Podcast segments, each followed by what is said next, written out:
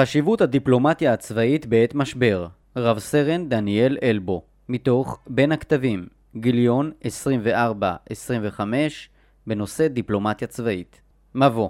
מעבר למשימתו להגן על המדינה ולשמור על גבולותיה, לצבא הישראלי תפקיד מעניין וייחודי נוסף, הבנייה, התכנון, השימוש והמיצוי של הדיפלומטיה הצבאית, תפקיד שייתכן ודבק בו בשל הגדרתו כצבא העם, שחיוניותו במדינות אחרות פחות בהרבה. צה"ל מהווה את אחת מהזרועות המרכזיות של המדינה בכל הקשור לקשרי החוץ ולשיח עם העולם, ממש מימיה הראשונים של הדיפלומטיה המדינית כולה.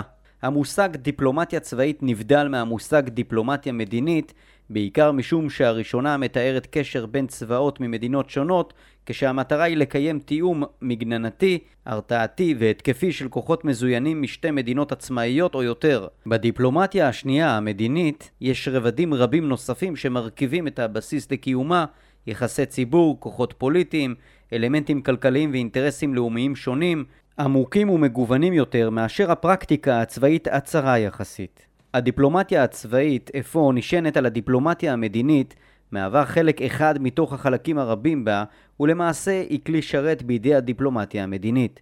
קיומה ואופייה של הדיפלומטיה הצבאית טעון אישור מדיני, בעוד שהדיפלומטיה המדינית היא כלי עצמאי מוגבל פחות ומגוון יותר במטרותיו ובאופן קיומו. במקרה של הצבא הישראלי, הדיפלומטיה הצבאית מהותה הידוק היחסים בין צה"ל לצבאות אחרים.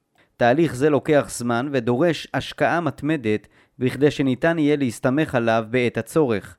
מדובר במיומנות המחייבת את העוסקים בה לגלות מידה רבה של רגישות ולהציג יכולת לבצע מלאכה מורכבת. מלאכה זו חייבת להיות מנוהלת בידיים רציניות ואחראיות בעת שגרה על מנת להביא את ההישגים הנדרשים בעת משבר או אסון.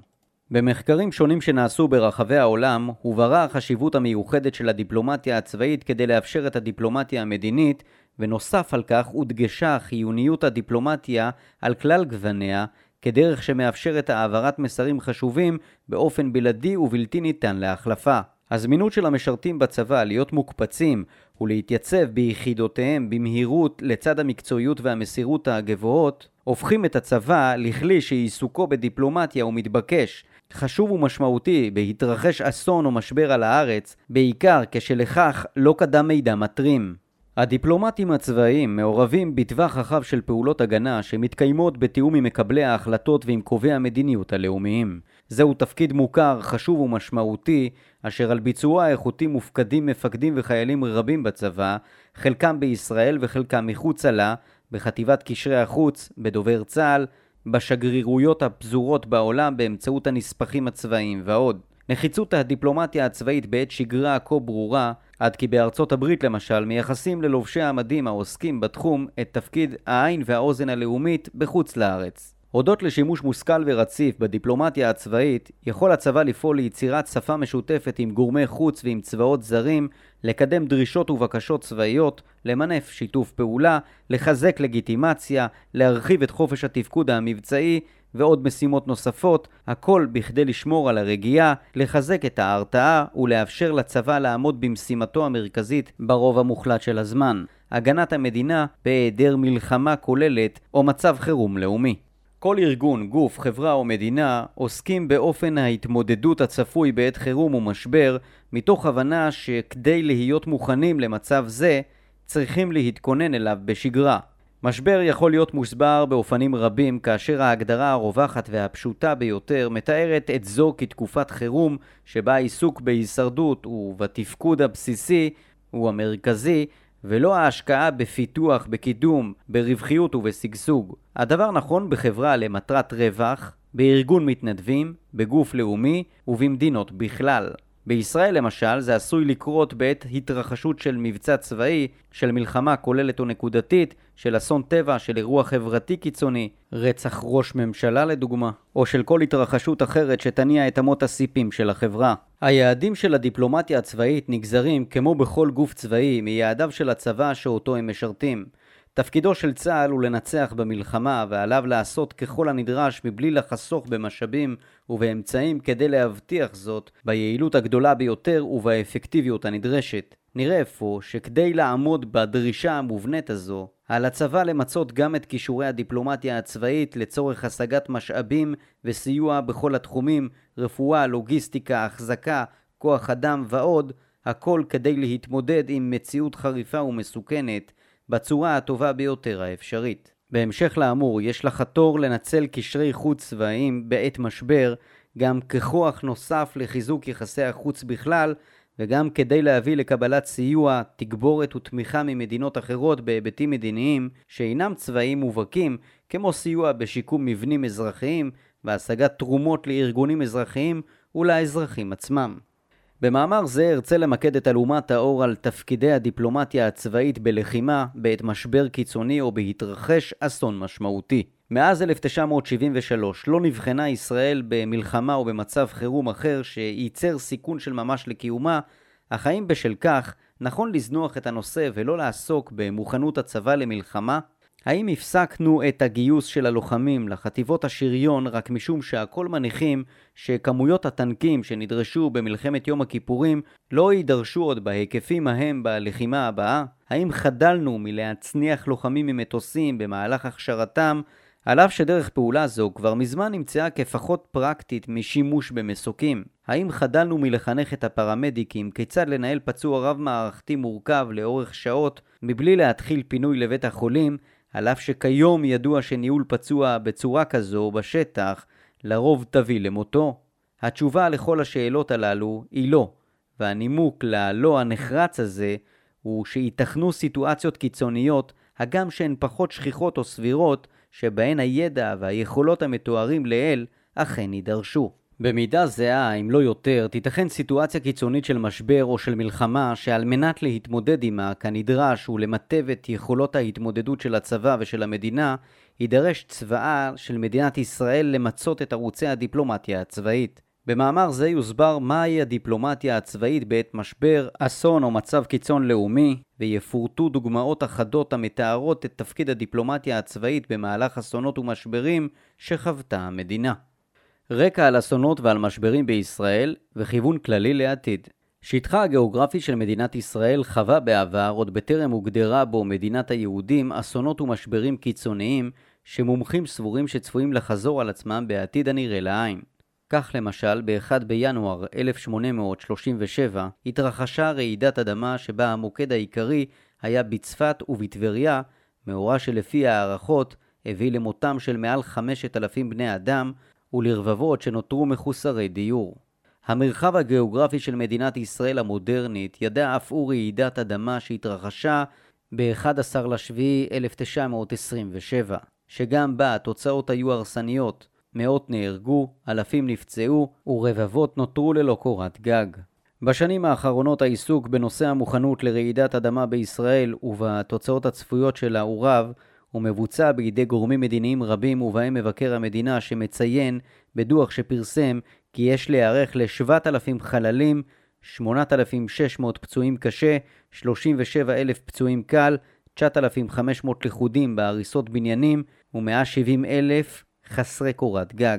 כמויות אלה מוגדרות באופן מפורש על ידי המבקר, משום שהתרחשותה של רעידת אדמה חזקה על כל השלכותיה הקשות היא כמעט ודאית.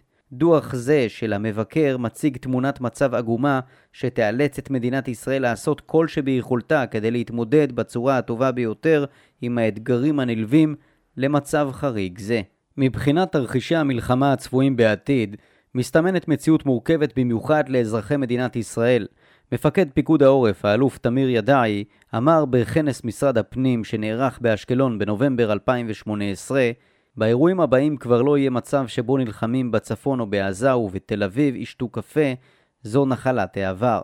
באמירותיו אלה מייחס האלוף חשיבות ניכרת ועולה ליכולות הירי תלול המסלול, רקטות ואף טילים של החיזבאללה בצפון. מדינת ישראל הממוקמת במקום המאה ואחד בעולם מבחינת גודל האוכלוסייה, ובכך מהווה 11 מאיות האחוז מכלל התושבים בכדור הארץ, מוגבלת מאוד בעצמאותה בעת משבר ממושך, ולכן זקוקה לדיפלומטיה צבאית פעילה כל העת, ובעיקר בעת משבר, על מנת לאפשר למערכות צה"ל לעמוד ביעדי הדרג המדיני כנגד אויביה או כנגד איתני הטבע. ישראל עשויה להזדקק לסיוע בכוח אדם בדמות חיילים לוחמים, סגלי רפואה, גורמי לוגיסטיקה, בנייה ותכנון, וכן אנשי מקצוע בתחומים רבים נוספים בזמן קצר ובכמות גדולה.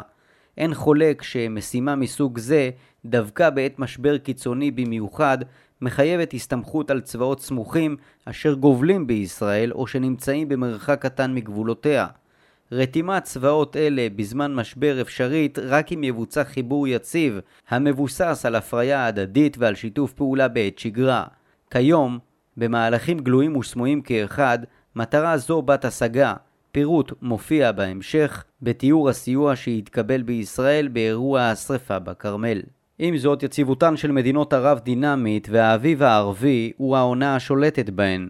לכן לא כדאי לה למדינת ישראל להסתמך על סיוע בעת משבר או אסון משמעותי רק מהמדינות בעלות הגבול הישיר עימה, ואשר איתן יש לה הסכמי שלום, ומכאן שברורה נחיצות הדיפלומטיה הצבאית מול צבאות בנות ברית מרוחקות כפתרון מחויב המציאות, במקביל לשימור קשרי דיפלומטיה צבאיים כל העת, גם עם מצרים וירדן. דיפלומטיה צבאית לא יכולה להיבנות או להיווסד לראשונה דווקא בעת שנוצר המשבר, ולענות על הדרישות ממנה בצורה ממצה. מדובר במקצוע עשיר ברבדים רבים, וההכשרה לעיסוק בו דורשת יכולות וכישורים ייחודיים. מכאן שבלי עיסוק מקדים באיתור, במיון ובהכשרה ראויים לעוסקים במשימה, תתקשה הדיפלומטיה הצבאית להיווצר יש מאין בעת חירום. אחת מבריתות הדיפלומטיה העולמית הגדולות והמשמעותיות שבתוכה פן העוסק בדיפלומטיה הצבאית בצורה בלתי נפרדת ואף גלויה היא ברית UK-USA, ברית של דיפלומטיה המושתתת על שיתוף מודיעין צבאי בין קהילות המודיעין של צבאות ארצות הברית, בריטניה, קנדה, אוסטרליה וניו זילנד. במסגרתה חולקים הצבאות סוכנים סמויים במדינות שלישיות, משתפים זה עם זה צילומי לוויין ופענוחים שלהם, מפעילים את המזל"טים זה של זה בזירות משתנות על פני כדור הארץ ומקיימים מבצעים ופעולות מודיעיניות משותפות ברמה האינטימית ביותר. הנחת היסודות התשתיתיים והחיבורים בין מערכות המודיעין בעת שגרה תביא לכך שדיפלומטיה צבאית מהסוג הזה תשרת ללא כל עוררין כל אחת מהמדינות החברות בה, גם בעת משבר או מלחמה, והודות לה ניתנת לכל אחד מהצבאות החברים בברית האפשרות להסתמך גם על אמצעים שממומנים בידי מדינות אחרות, והלכה למעשה לקיים מערכת צבאית מודיעינית אפקטיבית יותר, חסכונית, נוחה, מקצועית ומקורית. על פי פרסומים חדשותיים, לרוב זרים, מקיימת מדינת ישראל קשרים דיפלומטיים צבאיים עם מדינות שלא מקיימות עימה קשרים דיפלומטיים פומביים. בשנת 2011 רשת אל-מנאר של חיזבאללה פרסמה שקטאר, מדינה שאוכלוסייתה מורכבת מכ-70% מוסלמים, מקיימת קשרים ביטחוניים אדוקים עם ישראל. אמנם, לפי הדיווח החדשותי, נראה כי מדובר בדיפלומטיה מדינית בלבד, אך הדת מניחה שאלמלא אינטרסים ביטחוניים חד משמעיים, אין לשתי מדינות אלה סיבה לקיים קשרים כלשהם. על פי אותם פרסומים, קשרים דיפלומטיים צבאיים מסוג זה קיימים במקומות רבים נוספים בעולם ומשתלמים במיוחד למדינת ישראל, שכן באמצעותם היא מגייסת בקלות רבה יותר תמיכה אזורית ובינלאומית ומצליחה טוב יותר במשימתה להבין את המתרחש בתוך ארגוני הטרור הפועלים כנגדה, בשטח ישראל ומחוצה לו, כאשר הדוגמה הבולטת לארגון שכזה הוא ארגון חמאס. מערכת היחסים הדיפלומטית המקובלת בעולם מאופיינת בהדדיות ולכן כמדינה שמבקשת לקבל עזרה ומענה בעת משבר או אסון, חלה על מדינת ישראל החובה, כל עוד הדבר ביכולתה, להעניק סיוע בעת משבר למדינות שזקוקות לכך. בישראל קיים נוהג בלתי רשמי שכבר מומש כמה פעמים בהיסטוריה, לפיו מציעה המדינה עזרה בעת משבר או אסון גם למדינות שעימן אין היא מקיימת קשרים דיפלומטיים או אחרים. דוגמה משמעותית ביותר לסיוע מסוג זה ניתן למצוא בפעילות הצבא בפרויקט שכנות טובה, פרויקט שהחל ביוני 2016 ובמסגרתו הוקם בית חולים שדה של חיל הרפואה הישראלי בגבול ישראל-סוריה. בבית חולים זה הוענק טיפול רפואי מתקדם לסורים שנפגעו בקרבות שהתחוללו במדינתם. פרויקט זה החל כסוד כמוס ותחילתו אופיינה באקראיות ובתכנון חלקי בלבד, אך בהמשך הוא התפתח עד כדי טיפול בפצועים בצורה שיטתית וסדורה, ובהמשך אף בסיוע הומניטרי של ממש לאזרחים הסורים, הועברו מעל 360 טון של מזון וקמח למאפיות, 55 טון של ביגוד חם, 450 אלף ליטר דלק המשמש לחימום וציוד נוסף לשיפור המחיה. הדיפלומטיה הצבאית ככלי לבניין הכוח ולהפעלתו. בכל חילות הצבא מתקיימים מפגשים עם נציגי צבאות של מדינות זרות. באופן תכוף וכמעט סביב השעון מתנהלים בצבא קורסים בינלאומיים בתחומי הרפואה, הלוגיסטיקה, הטכנולוגיה, המודיעין, הלחימה ועוד רבים נוספים.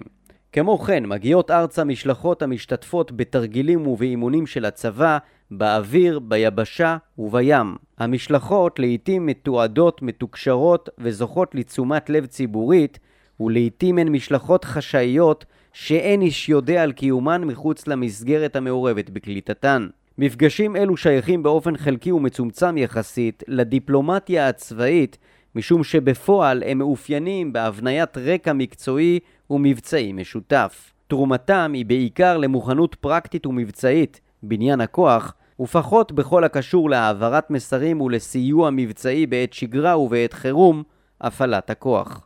בצורה שונה מהאימונים המשותפים ומהשיח המקצועי הבינלאומי, יכולה הדיפלומטיה הצבאית להיות כלי משפיע מאוד להפעלת הכוח בעת משבר ולאפשר העברת מסרים חשובים אף ברמה לאומית. דוגמה מובהקת לכך היא השימוש בדיפלומטיה הצבאית הרפואית בעת לחימה. צבא ארצות הברית השקיע רבות במהלך לחימתו בעיראק בהפעלת כוחות רפואה מתקדמים שהעניקו מענה רפואי בשלל תחומים למטופלים עיראקים שחלקם אף טרוריסטים שנפצעו. בעצם הפרסום, ההפצה בתקשורת, השיח והעיסוק בטיפול הרפואי המתקדם שניתן בשטח העיראקי בידי הצבא האמריקאי, השיג הגוף הדיפלומטי הצבאי האמריקאי לגיטימציה רבה לפעולות האמריקאיות, השפיע על דעת ההמונים בתקשורת וכן על דעתם של מפקדים בצבאות רבים בעולם שנחשפו לנתונים מזירות הטיפול והאירוע. הניסיון הרב ביותר בדיפלומטיה צבאית בישראל נצבר מול בת הברית הגדולה ביותר של המדינה, ארצות הברית. מדובר בדיפלומטיה משופשפת, פעילה ומתמשכת מזה זמן רב, ואת התוצאות שלה אפשר לראות באסונות ובמשברים רבים. חשיבות דיפלומטיה זו באה לידי ביטוי רב, למשל, בהגשמת השאיפה האמריקאית לשלום במזרח התיכון. נשיא ארצות הברית טראמפ אמר כי בכל תוכנית שלום עתידית שתוצע בידי ארצות הברית יובאו בחשבון בפני מקבלי ההחלטות האמריקאים דבריו המקצועיים של צה"ל כפי שהועברו בצינורות הדיפלומטיה לנציגים האמריקאים בישראל וכפי שהועברו מהנציגים הישראלים שמוצבים בארצות הברית למארחיהם. הקשר הדיפלומטי בעת שגרה מאפשר אם כן מניעה וסיכול של אירועים מבצעיים מורכבים שהיו עשויים להיגרם אלמלא היה מקיים צה"ל שיח עם צבא ארצות הברית שאליו יכולו להתריע עוד בטרם מתקבלות ההחלטות. זוהי המחשה לחשיבות הדיפלומטיה הצבאית לצמצום משבר, למניעתו ולהכלתו עוד לפני שהוא בכלל נוצר. בכל הקשור להפעלת הכוח, סייע צבא ארצות הברית לצה"ל במסגרת הציוד שנצרך במבצע צוק איתן, באספקת ציוד רפואי, ציוד לחימה קרבי, מידע מודיעיני, ציוד ארטילריה ועוד, במלחמת לבנון השנייה נפרסו סוללות פטריוט בצפון, שסייעו בהגנת שמי הארץ והיוו נקיטת עמדה ברורה מצד הממשל האמריקאי של תמיכה בלתי מסויגת בישראל. בבניין הכוח מבוצעים שיתופי פעולה מודיעיניים, שיתופי פעולה באימונים מקצועיים, בתרגולים רפואיים ובהכשרות בינלאומיות שונות, כפי שפורט לעיל, שיתוף פעולה זה משתלם לכל הצדדים, שכן מושג באמצעותו ידע מקצועי רב, משתפרת המוכנות לחירום, מתהדקים היחסים והבסיס לתפקוד בחירום קורם עור וגידים. הדיפלומטיה הצבאית הישראלית, כפי שהחיילים והחיילות בצה"ל מסוגלים ליישמה בזמן משבר, צפויה להניב תוצאות והישגים שאין דרך אחרת להשיגן. אמירה זו מגובה בפקודות מגירה שמגדירות את אופן ההסתייעות במדינות המקיימות קשרים דיפלומטיים צבאיים עם צה"ל בשגרה בתחומים צבאיים רבים מלוגיסטיקה, דרך מודיעין וטכנולוגיות וכלה בסיוע מבצעי ממשי עם כוחות הקרקע, הים והאוויר. פקודות צבאיות אלה מאושרות להפעלה בעת חירום כבר כיום כבסיס איתן למימוש הצרכים הצבאיים בעת מלחמה כוללת או משבר קיצוני. כך למשל, במידה ותיפתח מלחמה כוללת שתסכן את מדינת ישראל, בדומה למלחמת יום הכיפורים, לדוגמה, יופעלו פקודות שנכתבו, שתואמו, שהוגדרו מראש ושסוכמו בין צבא ארצות הברית לצבא ההגנה לישראל. פקודות אלה שבהן מוגדרים שותפים שונים, כאשר המושג שותף מתייחס למדינה בת ברית, מאפשרות לצה"ל יכולות וכוח רבים יותר מאשר הקיימים בו ממילא. ההישג הגדול ביותר של הדיפלומטיה הצבאית, שבפועל מהווה את היעד המרכזי שלה, הוא רתימת מדינה זרה שתבוא, שתסייע ושתאפשר למדינת ישראל לשרוד במידה ויש ספק ביכולתה העצמאית לעשות זאת במחיר סביר. השימוש בדיפלומטיה הצבאית במלחמת יום הכיפורים בשנת 1973, עת פרצה מלחמת יום הכיפורים, הייתה מדינת ישראל על סף אובדן כאשר במתקפה משולבת ומתואמת של צבאות ערב כנגד ישראל בהובלת סוריה ומצרים, בערו גבולות הארץ. במלחמה זו, שנמשכה באופן רשמי 19 ימים, נהרגו בישראל 2,222 בני אדם, נפצעו 7,251 חיילים ואזרחים, נשבו 294 חיילים, יצאו משימוש 800 טנקים, מתוכם מעל 400 הוגדרו אבודים, עבדו 102 מטוסים, 25 תותחים וסוללת טילי קרקע אוויר שלמה. מעבר ללחימה המבצעית הדרמטית והנועזת, על כל ההיבטים והמחירים שבה, עסק צבא ההגנה לישראל בהעברת מסרים, בקשות ודרישות מבצעיות רבות בהליכים דיפלומטיים ממושכים ובלתי פוסקים מול צבא ארצות הברית.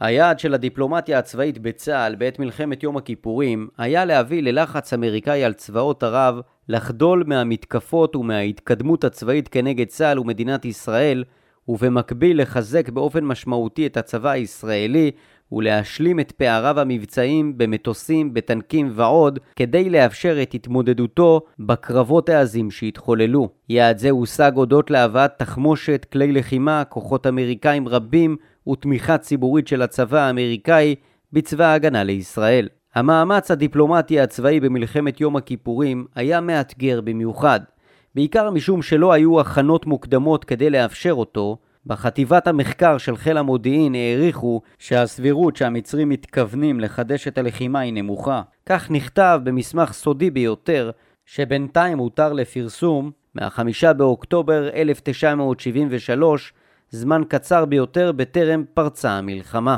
מאחר וההיערכות ללחימה הייתה נמוכה, כך גם תהליך הכנת התשתית הדיפלומטית לסיוע במהלכה. הדרך המרתקת, ויש שיאמרו הגאונית, שבה רתם צה"ל את צבא ארצות הברית לסייע לו בלא הכנה מוקדמת, נשענה בעיקרה על ניצול המלחמה הקרה שהייתה בשיאה בין ברית המועצות ואמריקה.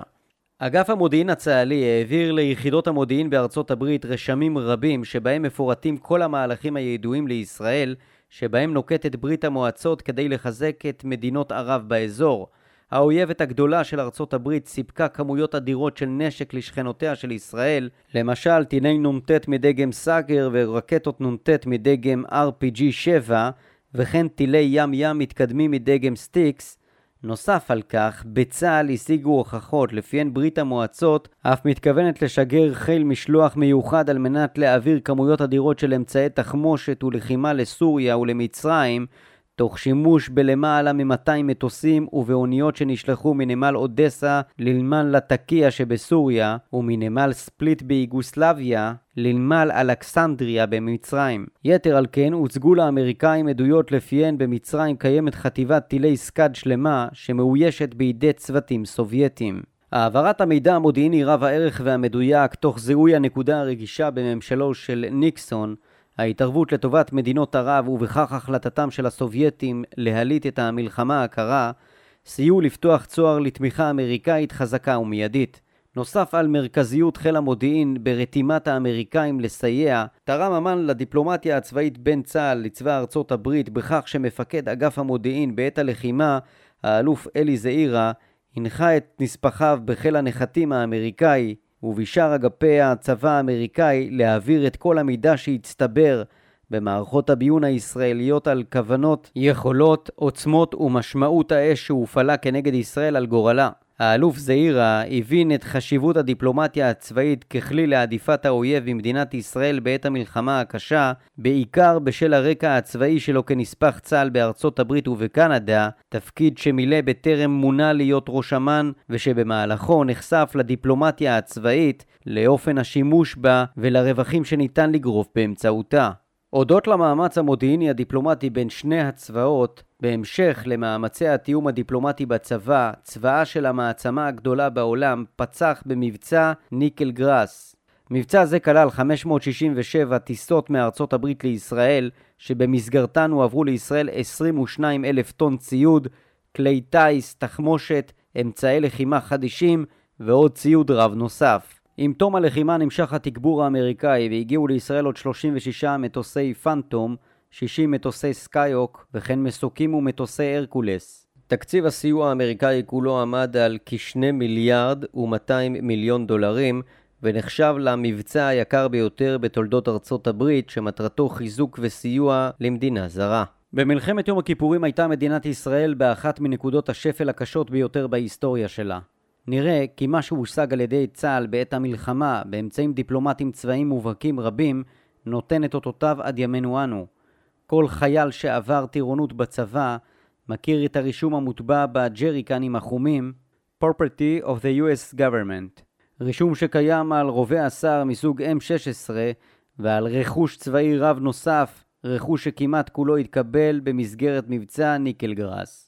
המאמץ הדיפלומטי הצבאי במלחמת יום הכיפורים חרג מהציפיות במידת הצלחתו הרבה, והביא בסופו של דבר, וכחלק ממאמצים נוספים, לניצחונה של מדינת ישראל ולהישרדותה ברגע הקשה ביותר בהיסטוריה של הכאומה.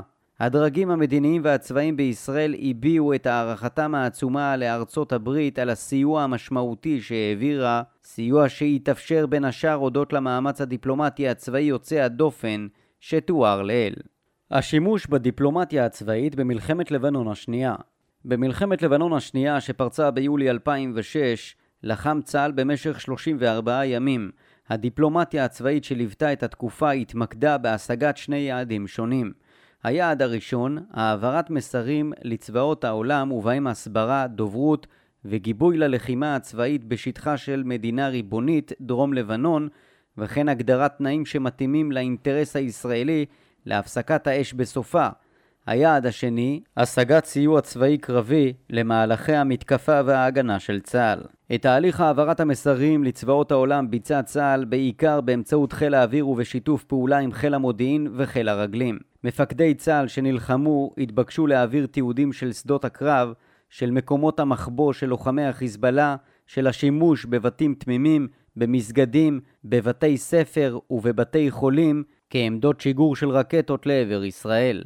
עוד הוסיף צה"ל לעשות כששיבץ ביחידות קרביות שונות חיילים שתפקידם מוגדר מתעד צבאי. חיילים אלה נעו יחד עם הכוחות הלוחמים והמתמרנים תוך צילום וידאו וסטילס עקבי ורציף שתיעד את ההתנהלות המנוגדת לחוק הבינלאומי של ארגון הטרור חיזבאללה לצד מתן הוכחות להתנהלות הסבלנית המכילה וההוגנת של כוחות הצבא הישראלי. במסגרת הדיפלומטיה הצבאית של הכוחות הלוחמים הועברו צילומי לוויין, צילומים ממטוסים זעירים ללא טייס, וחומרי לחימה ומודיעין של האויב שנתפסו תוך כדי הלחימה, תורגמו, פוענחו ופורסמו לצבאות זרים, ובעיקר למפקדים הבכירים בצבאות ארצות הברית ורוסיה, על מנת שיוסיפו וימליצו לגורמים המדיניים לתמוך בלחימה.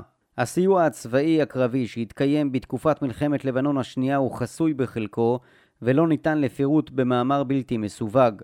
עם זאת, ניתן להצביע על דיווחים שפורסמו באמצעי המדיה השונים וממחישים את הקשר החזק בין הדיפלומטיה הצבאית בעת תקופת המלחמה לבין תמיכת צבאות זרים במאמצי ההגנה של צה"ל על מדינת ישראל. דוגמה אחת היא פריסת צוללות הפטריוט האמריקאיות בצפון הארץ בחודש יולי, שהוסיפה לביטחון התושבים וליכולות הישראליות כנגד סיכונים אוויריים באותה העת. מפקד חיל האוויר במלחמה, אלוף אליעזר שקדי, אישר העברת מסרים דיפלומטיים לגורמים אמריקאים בכדי שאלה יסייעו בפריסת צוללות פטריוט.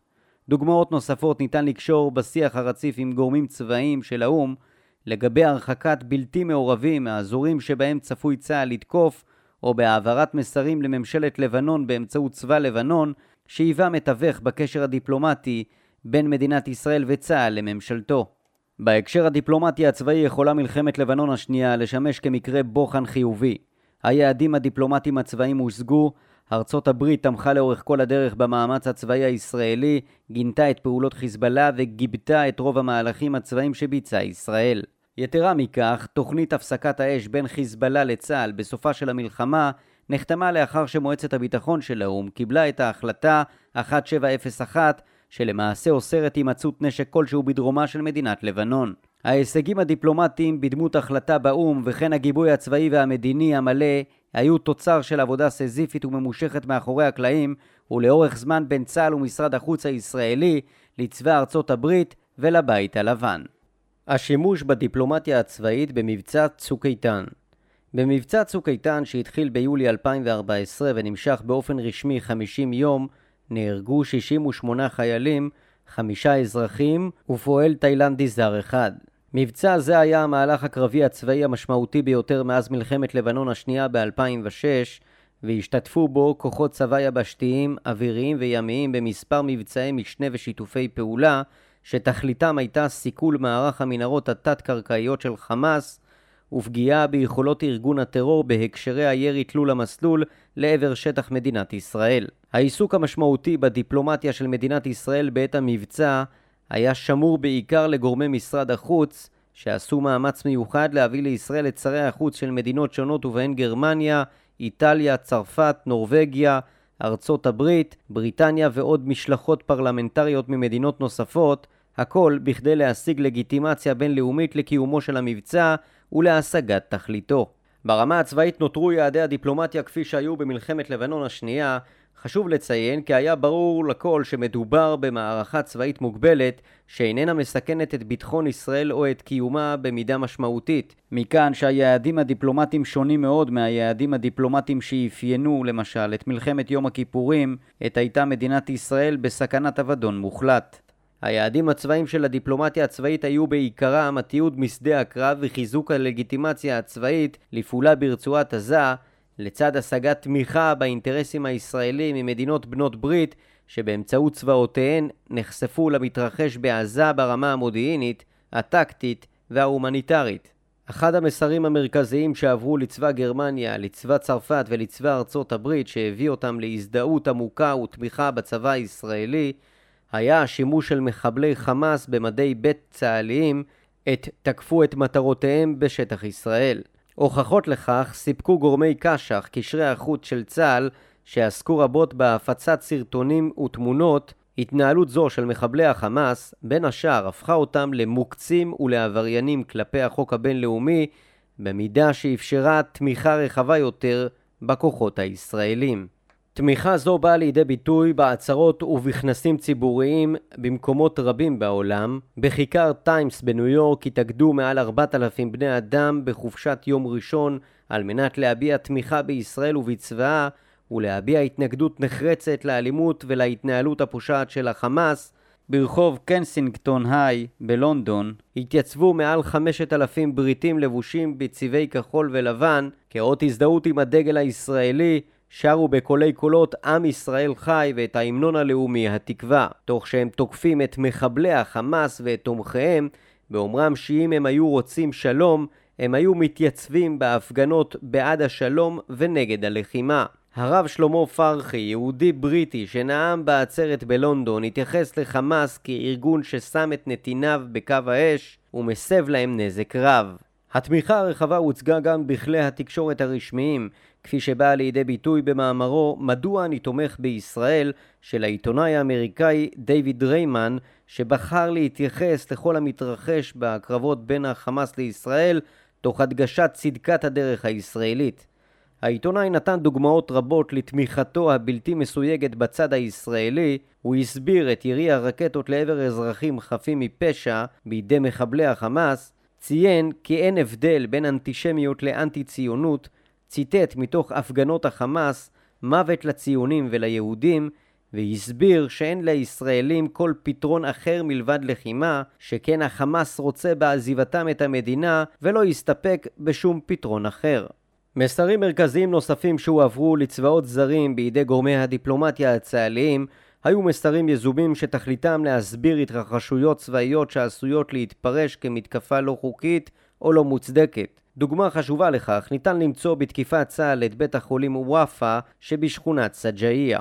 על פניו, מתקפה מסוג זה מצטיירת אוטומטית כפשע מלחמה בלתי מוסבר, אולם צה"ל סיפק הוכחות מודיעיניות בדמות תצלומי אוויר, לוויין, ממצאים שנתפסו, שפוענחו, תורגמו והועברו, ולפיהם מדובר היה בקן טרור של ממש. צה"ל הציג כי מבית החולים נורתה אש תופת במשך ימים ארוכים, כולל ירי נגד טנקים, וכי בבית החולים פעלו חדרי פיקוד ומלחמה של הזרוע הצבאית של חמאס ושל הג'יהאד האיסלאמי. עיסוקו זה של צה"ל בדיפלומטיה הצבאית מול צבאות זרים בעולם אפשרו המשך הצדקה ותמיכה מדיניים, שכן ראשי המדינות תודרכו בידי הגנרלים שלהם בדבר ההסברים הצבאיים להחלטות צה"ל בשדה הקרב. דיפלומטיה צבאית יוזמת נוספת באה לידי ביטוי בסיוע ההומניטרי בעת המבצע, קיומן של הפסקות אש רבות מהצד הישראלי תוך העברת מסרים ברורים לעולם שהנימוק לקיומן הוא הומניטרי וכן הקמת בית חולים צבאי במעבר ארז בית החולים כלל שירותי מרפאה בסיסיים, העניק טיפול במקרים דחופים, הפעיל חדר לידה מתקדם ופתח אפשרות לאשפוז של חולים ונפגעים מרצועת עזה לפי הצורך. בית החולים אויש על ידי רופאים, אחיות, טכנאי רנטגן, מעבדה ושאר סגלי הרפואה הנדרשים. המתקן הוקם במבנה מוגן ופעל במשך ימים ארוכים. הסיוע ההומניטרי היה מאמץ דיפלומטי מכוון, על אף שמטרתו העליונה הייתה אנושית וערכית הצלת חיי אדם.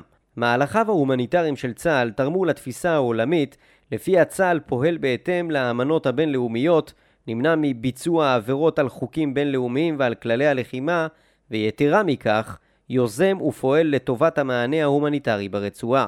נקודה ייחודית חשובה שבאה לידי ביטוי במבצע צוק איתן הייתה התרחשות התפנית בין הדיפלומטיה של העולם הישן לזה של העולם המודרני, שבו קבוצות הוואטסאפ, הפייסבוק ושאר הרשתות החברתיות היוו זירת דיפלומטיה לכל דבר ועניין. למשל, התארגנויות שונות בפייסבוק מנסות לקבץ דיווחים ופועלות להסרה של עמודים שיוצאים נגד ישראל כחלק ממאמצי ההסברה ואף הועברה הצעה לציבור הרחב להעביר דיווחים על דפים מסוג זה. בצה"ל הבינו את זה במהלך המבצע ועשו שימוש רב בדפי הפייסבוק של צה"ל בעברית, באנגלית ובערבית, כאשר הכתובת שאליה פנו הייתה אזרחים משני צידי הלחימה וממדינות נוספות בעולם, וכן גורמי מודיעין צבאיים בכל העולם שבאמצעות איסוף המודיעין מהמרשתת נחשפו לשיח רב ופורה. זירה זו היוותה אז ומהווה עד היום מוקד עיסוק משמעותי לדובר צה"ל ולגורמי העשייה הדיפלומטית הנוספים בצבא ומסתמן שגם בעת חירום יהיה לה מקום של ממש בציבור. גורמי צה"ל העבירו תיעוד רב משדה הקרב שמוכיח שהחמאס משתמש במסגדים, בבנייני או"ם, בבתי חולים ובבתי ספר כמקום מחבוא לתחמושת וכי הוא משגר משם רקטות. עוד הציגו גורמי הצבא כי מחבלי החמאס מתחבאים מאחורי נשים וילדים בדרכם למנהרות הטרור ומהן ובהגיעם לנקודות ולאתרי שיגור. הוכחות אלה היו משמעותיות מאוד לתמונת המצב הבינלאומית משום שהחמאס מצידו שיגר לעולם תמונות רבות של ילדים, נשים ואזרחים שנפגעו בהפצצות הצה"ליות. הנושא ליווה את המערכה כולה במה שהוגדר מלחמת תעמולה מרתקת, כאשר העיתון הבריטי אינדיפנדנט שנקט קו נגד ישראל ניסה לנפץ את טענות ישראל על שימוש בילדים ונשים בידי חמאס, ומולו עמדו ישראלים רבים באופן עצמאי או כחלק מארגונים, והפיצו סרטונים שבהם נראים רעולי פנים גוררים ילדים ברחובות עזה. מבצע צוק איתן לא נחשב כאסון או כמשבר בקנה מידה שמצדיק סיוע בינלאומי נוסף מלבד תמיכה מדינית ציבורית, אך לעיתים תמיכה זו חשובה ואף קריטית לא פחות מהעברת ציוד לחימה ולוחמים לסיוע בקרבות. השימוש בדיפלומטיה הצבאית באסון השרפה בכרמל באירוע השרפה בכרמל, דצמבר 2010, נהרגו 44 בני אדם, פונו מבתיהם 17 אלף בני אדם ונשרפו מיליוני עצים. אירוע זה נחשב בפרספקטיבה בינלאומית כמצומצם יחסית בקנה מידה לאומי של מדינה, ועל אף זאת נאלצה מדינת ישראל לבקש סיוע בצינורות דיפלומטיים ובעיקר צבאיים על מנת להתמודד עם היקף הנזק, לעצור את התקדמותו ולאפשר שיקום במרחב. היעד המרכזי של הדיפלומטיה הצבאית באסון הכרמל היה לאפשר שיתוף פעולה בינלאומי ותיאום מבצעי עם חילות אוויר ממדינות רבות שפועלות בשפות שונות, בשיטות עבודה מגוונות ובאופן ייחודי עד כדי ייחודם למימוש מטרת כיבוי האש באפקטיביות המקסימלית. הסיוע הגדול ביותר שהובא היה מטוס הסופר טנקר האמריקאי המפורסם שביעפים ספורים תרם דרמטית ליכולת ההתמודדות של צוותי הכיבוי על פני הקרקע. תת-אלוף עדן אטיאס, מפקד בסיס נבטים בעת האסון, הצטרף לצוות הסופר טנקר האמריקאי בכדי לאפשר את השימוש בשפה המשותפת ובכדי להביא לידי הפעלת כוח אידיאלית ומהירה בזמן שהלהבות עדיין פעילות. נוסף על הסיוע האמריקאי, סייעו לישראל באירוע זה גם מדינות נוספות המחזיקות בקשרים דיפלומטיים צבאיים הדדיים עימה איטליה, בולגריה, גרמניה, הולנד, בריטניה, טורקיה, יוון, ירדן, מצרים, ספרד, צרפת, קנדה, קפריסין, קרואטיה, רומניה, רוסיה, שווייץ ואף הרשות הפלסטינית בסדר כוחות כולל של 34 מטוסי כיבוי, 18 מסוקי כיבוי, 4 מטוסי אספקה עמוסים בחומרים מעכבי בעירה, 3 מומחים לכיבוי אווירי, 141 כבאים, 22 פסיכולוגים ושלוש כבאיות. מפקד חיל האוויר, האלוף עידו נחושתן, שפגש את כוחות האוויר הזרים שהגיעו ארצה כדי לסייע, אמר בשעות הלילה נערך צה"ל בקריה כדי לתכנן את פעילות מטוסי הכיבוי הזרים הכנו תוכנית אווירית על מנת לשלוט על מאמצי הכיבוי, יש לנו גם נציג כיבוי בכיר בחפ"ק, והוסיף כי יש עדיפות עליונה למטוסי הכיבוי לפעול בשמיים כדי לבצע את עבודתם. חשוב להדגיש שבאירוע השרפה בכרמל לא היה אויב כנגד מדינת ישראל. לא מדובר היה במבצע כנגד חמאס, בקרב כנגד חיזבאללה או במלחמה כנגד סוריה. מדובר היה באסון שמערב שרפה משתוללת וקיצונית. ברמה הדיפלומטית יהיה זה נכון להניח כי פשוט הרבה יותר לבקש לתאם, לקבל ולהוציא לפועל סיוע צבאי מכל סוג שהוא, כאשר אין צד נגדי לקונפליקט, יש רק מנצחים, אלה שמצילים חיים ומכבים את האש. באירוע השרפה בכרמל באה לידי ביטוי במלוא עוצמתה הדיפלומטיה הצבאית בעת משבר. ראשית, בעצם איסוף הדרישות והתיאום הפנימי המקצועי בתוך גופי המשק השונים בישראל, את לוחמי החילוץ וההצלה של כיבוי וההצלה, חיל האוויר של צה"ל, משטרת ישראל ועוד גופים רבים נוספים, התכנסו והגדירו מהם הפערים. בהמשך הועברו הבקשות וההדגשים למדינות שעימן קיימים הקשרים הדיפלומטיים הצבאיים, תוך שימת דגש מיוחד על מהירות ההגעה והזמינות הנחוצים. לאחר השלמת שלב זה, הוחל בשלב הקליטה של הכוחות התפעול הלוגיסטי המורכב שלהם, התיאום בינם לבין עצמם ובין הכוחות הישראלים, וכל זאת אכן עשה את העבודה. השרפה כובדה בתום חמשת ימי המבצע הבינלאומי המשותף. השימוש בדיפלומטיה הצבאית במבצע אש חמה מבצע אש חמה הוא האירוע העדכני ביותר מבין כלל הדוגמאות המובאות במאמר זה להוכחת החשיבות של הדיפלומטיה בכלל וזו הצבאית בפרט. מבצע זה נמשך 41 שעות רצופות בסוף חודש מאי 2019. במסגרת המבצע טופלו 1,023 שרפות בשטחים פתוחים נשרפו כ-9,000 דונם של שטחי הקרן הקיימת לישראל ורשות הטבע והגנים על ידי האש האימתנית ונהרסו 40 בתים ביישוב מבוא מודיעים ועשרה בקיבוץ הראל.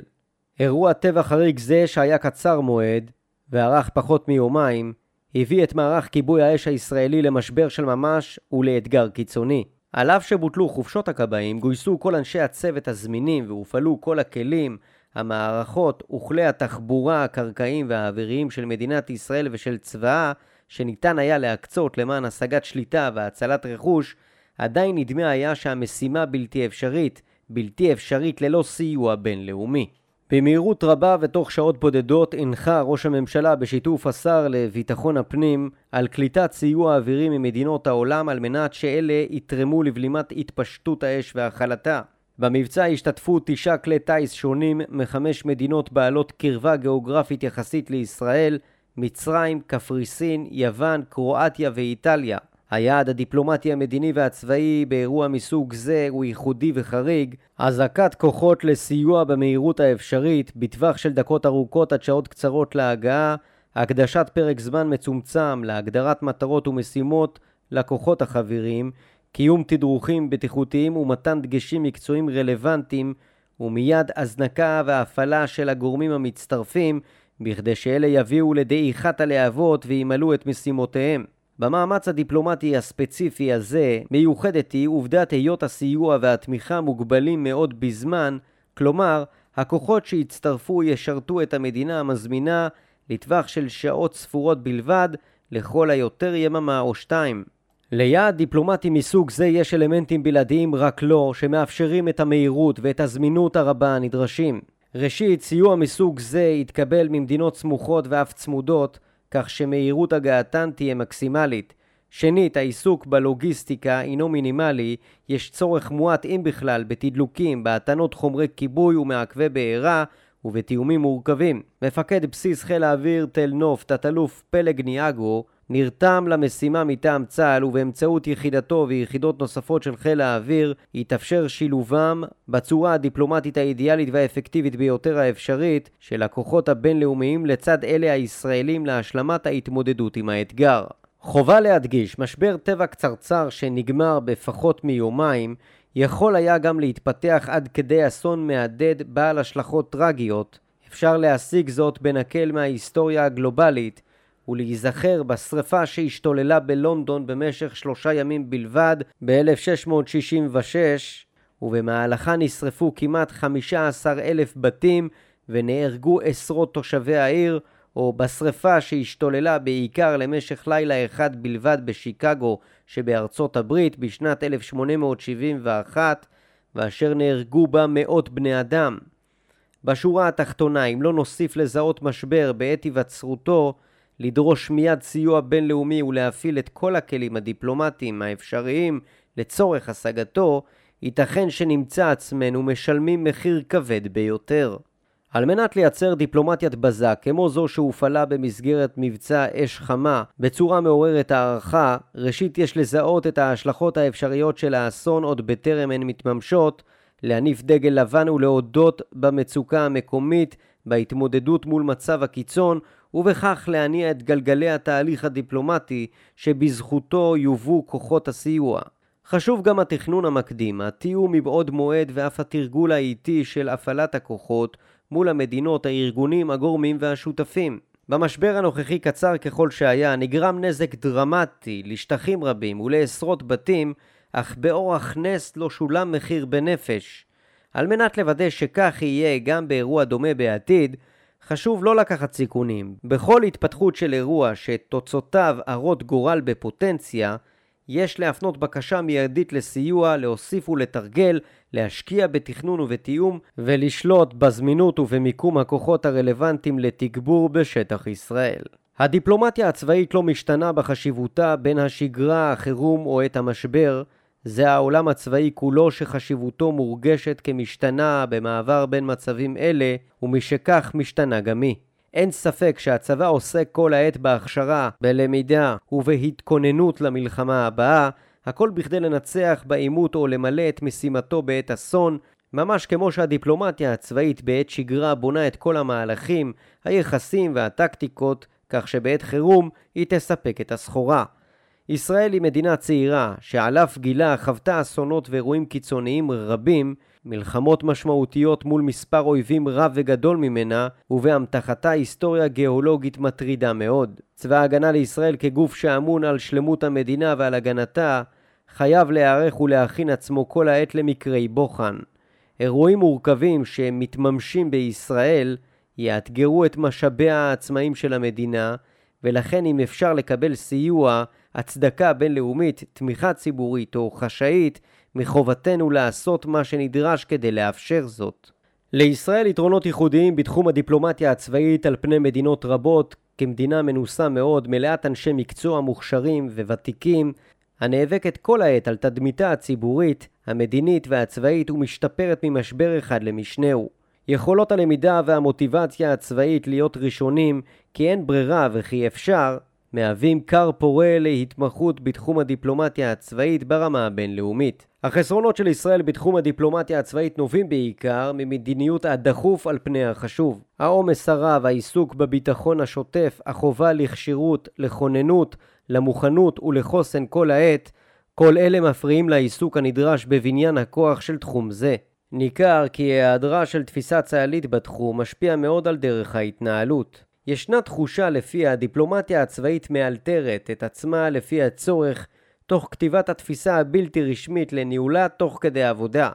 הדוגמה המתאימה ביותר לכך היא מעורבותם של קצינים בכירים כל כך בכל התהליכים הכרוכים בנושא, מראש אמ"ן במלחמות דרך טייסים בכירים מאוד באסון הכרמל, אם צריך טייס בדרגת תת-אלוף שיתלווה לסופר טנקר, אולי לא הגדרנו נכון מה עושים במצב כזה מראש. ההפסד מהיעדר תפיסה הוא היעדר מיצוי, פער בפיתוח יכולת שיפור וחוסר בעמוד שדרה לאורך התהליך כולו. הדיפלומטיה הצבאית בעת משבר היא תורה שלמה שמבוססת על הדיפלומטיה בשגרה. ההחלטה באם לנקוט דיפלומטיה נעימה ומסבירת פנים או דיפלומטיה אלימה, תוקפנית ומאיימת, היא החלטה לא מובנת מאליה שיש לה פנים רבות ואלמנטים משתנים מורכבים ורב גוניים שיש להתייחס עליהם ביסודיות בטרם תתקבל החלטה לכאן או לכאן. העקרונות המומלצים להגדרת התפיסה של הדיפלומטיה הצבאית הם שקיפות, לדוגמה בין מערך דובר צה"ל לחטיבת הקש"ח, כך שהנתונים של האחד יהיו גם בידי השני. תיאום, למשל בין כל מערכי הצבא והחילות השונים, כך שאפשר יהיה להרכיב תמונה שלמה של הצרכים והדרישות. מקצועיות, של המפקדים ושל החיילים שתכלית קיומם ועיסוקם הוא נושא הדיפלומטיה הצבאית ושהוכשרו למטרה זו ברגישות ובחוכמה. הפגנת צניעות, הכוונה כי אנו לא יודעים מספיק וכי יש לנו מה ללמוד. וכן אסרטיביות, המפתח ליחסי החוץ של מדינת ישראל ואזרחיה. בשורה התחתונה, הדבר הנדרש ביותר לתפיסת הדיפלומטיה הצבאית בצה"ל הוא ארגון, הגדרת גבולות תחומי עיסוק, יעדי עבודה וחזון. ההיסטוריה מוכיחה שמדינת ישראל עושה את זה שוב ושוב, מתמודדת עם אסונות, עם משברים, עם מלחמות, עם קרבות ועם אירועי קיצון. כל פעם מחדש מצטיין צה"ל בחלק גדול מהמשימות שכרוכות בהתמודדויות שנכפות עליו בנסיבות השונות, עד כדי כך שמגיעים מכל העולם ללמוד כיצד בצה"ל מצילים פצועים קשים ביותר, איך בצה"ל מיירטים רקטות עם מערכות מתקדמות ועוד. אם כן, יש להביא את סוגיית הדיפלומטיה הצבאית למרכז החדר, להציבה מאחורי הפודיום ולתת בידה את מיקרופון ההובלה. הגיע הזמן שצה"ל יראה את יכולותיו להצטיין בהסברה, בדיפלומטיה, ביחסי החוץ ובייצוגיות צבאית. מתחילים בשגרה וזה קורה גם בחירום. כדי להגיע לשם צריכים קברניטי צה"ל לקבל החלטה אחת ברורה ובלתי מתפשרת, מתעסקים בזה. כי כשצה"ל מתעסק במשהו, צה"ל מצטיין בו.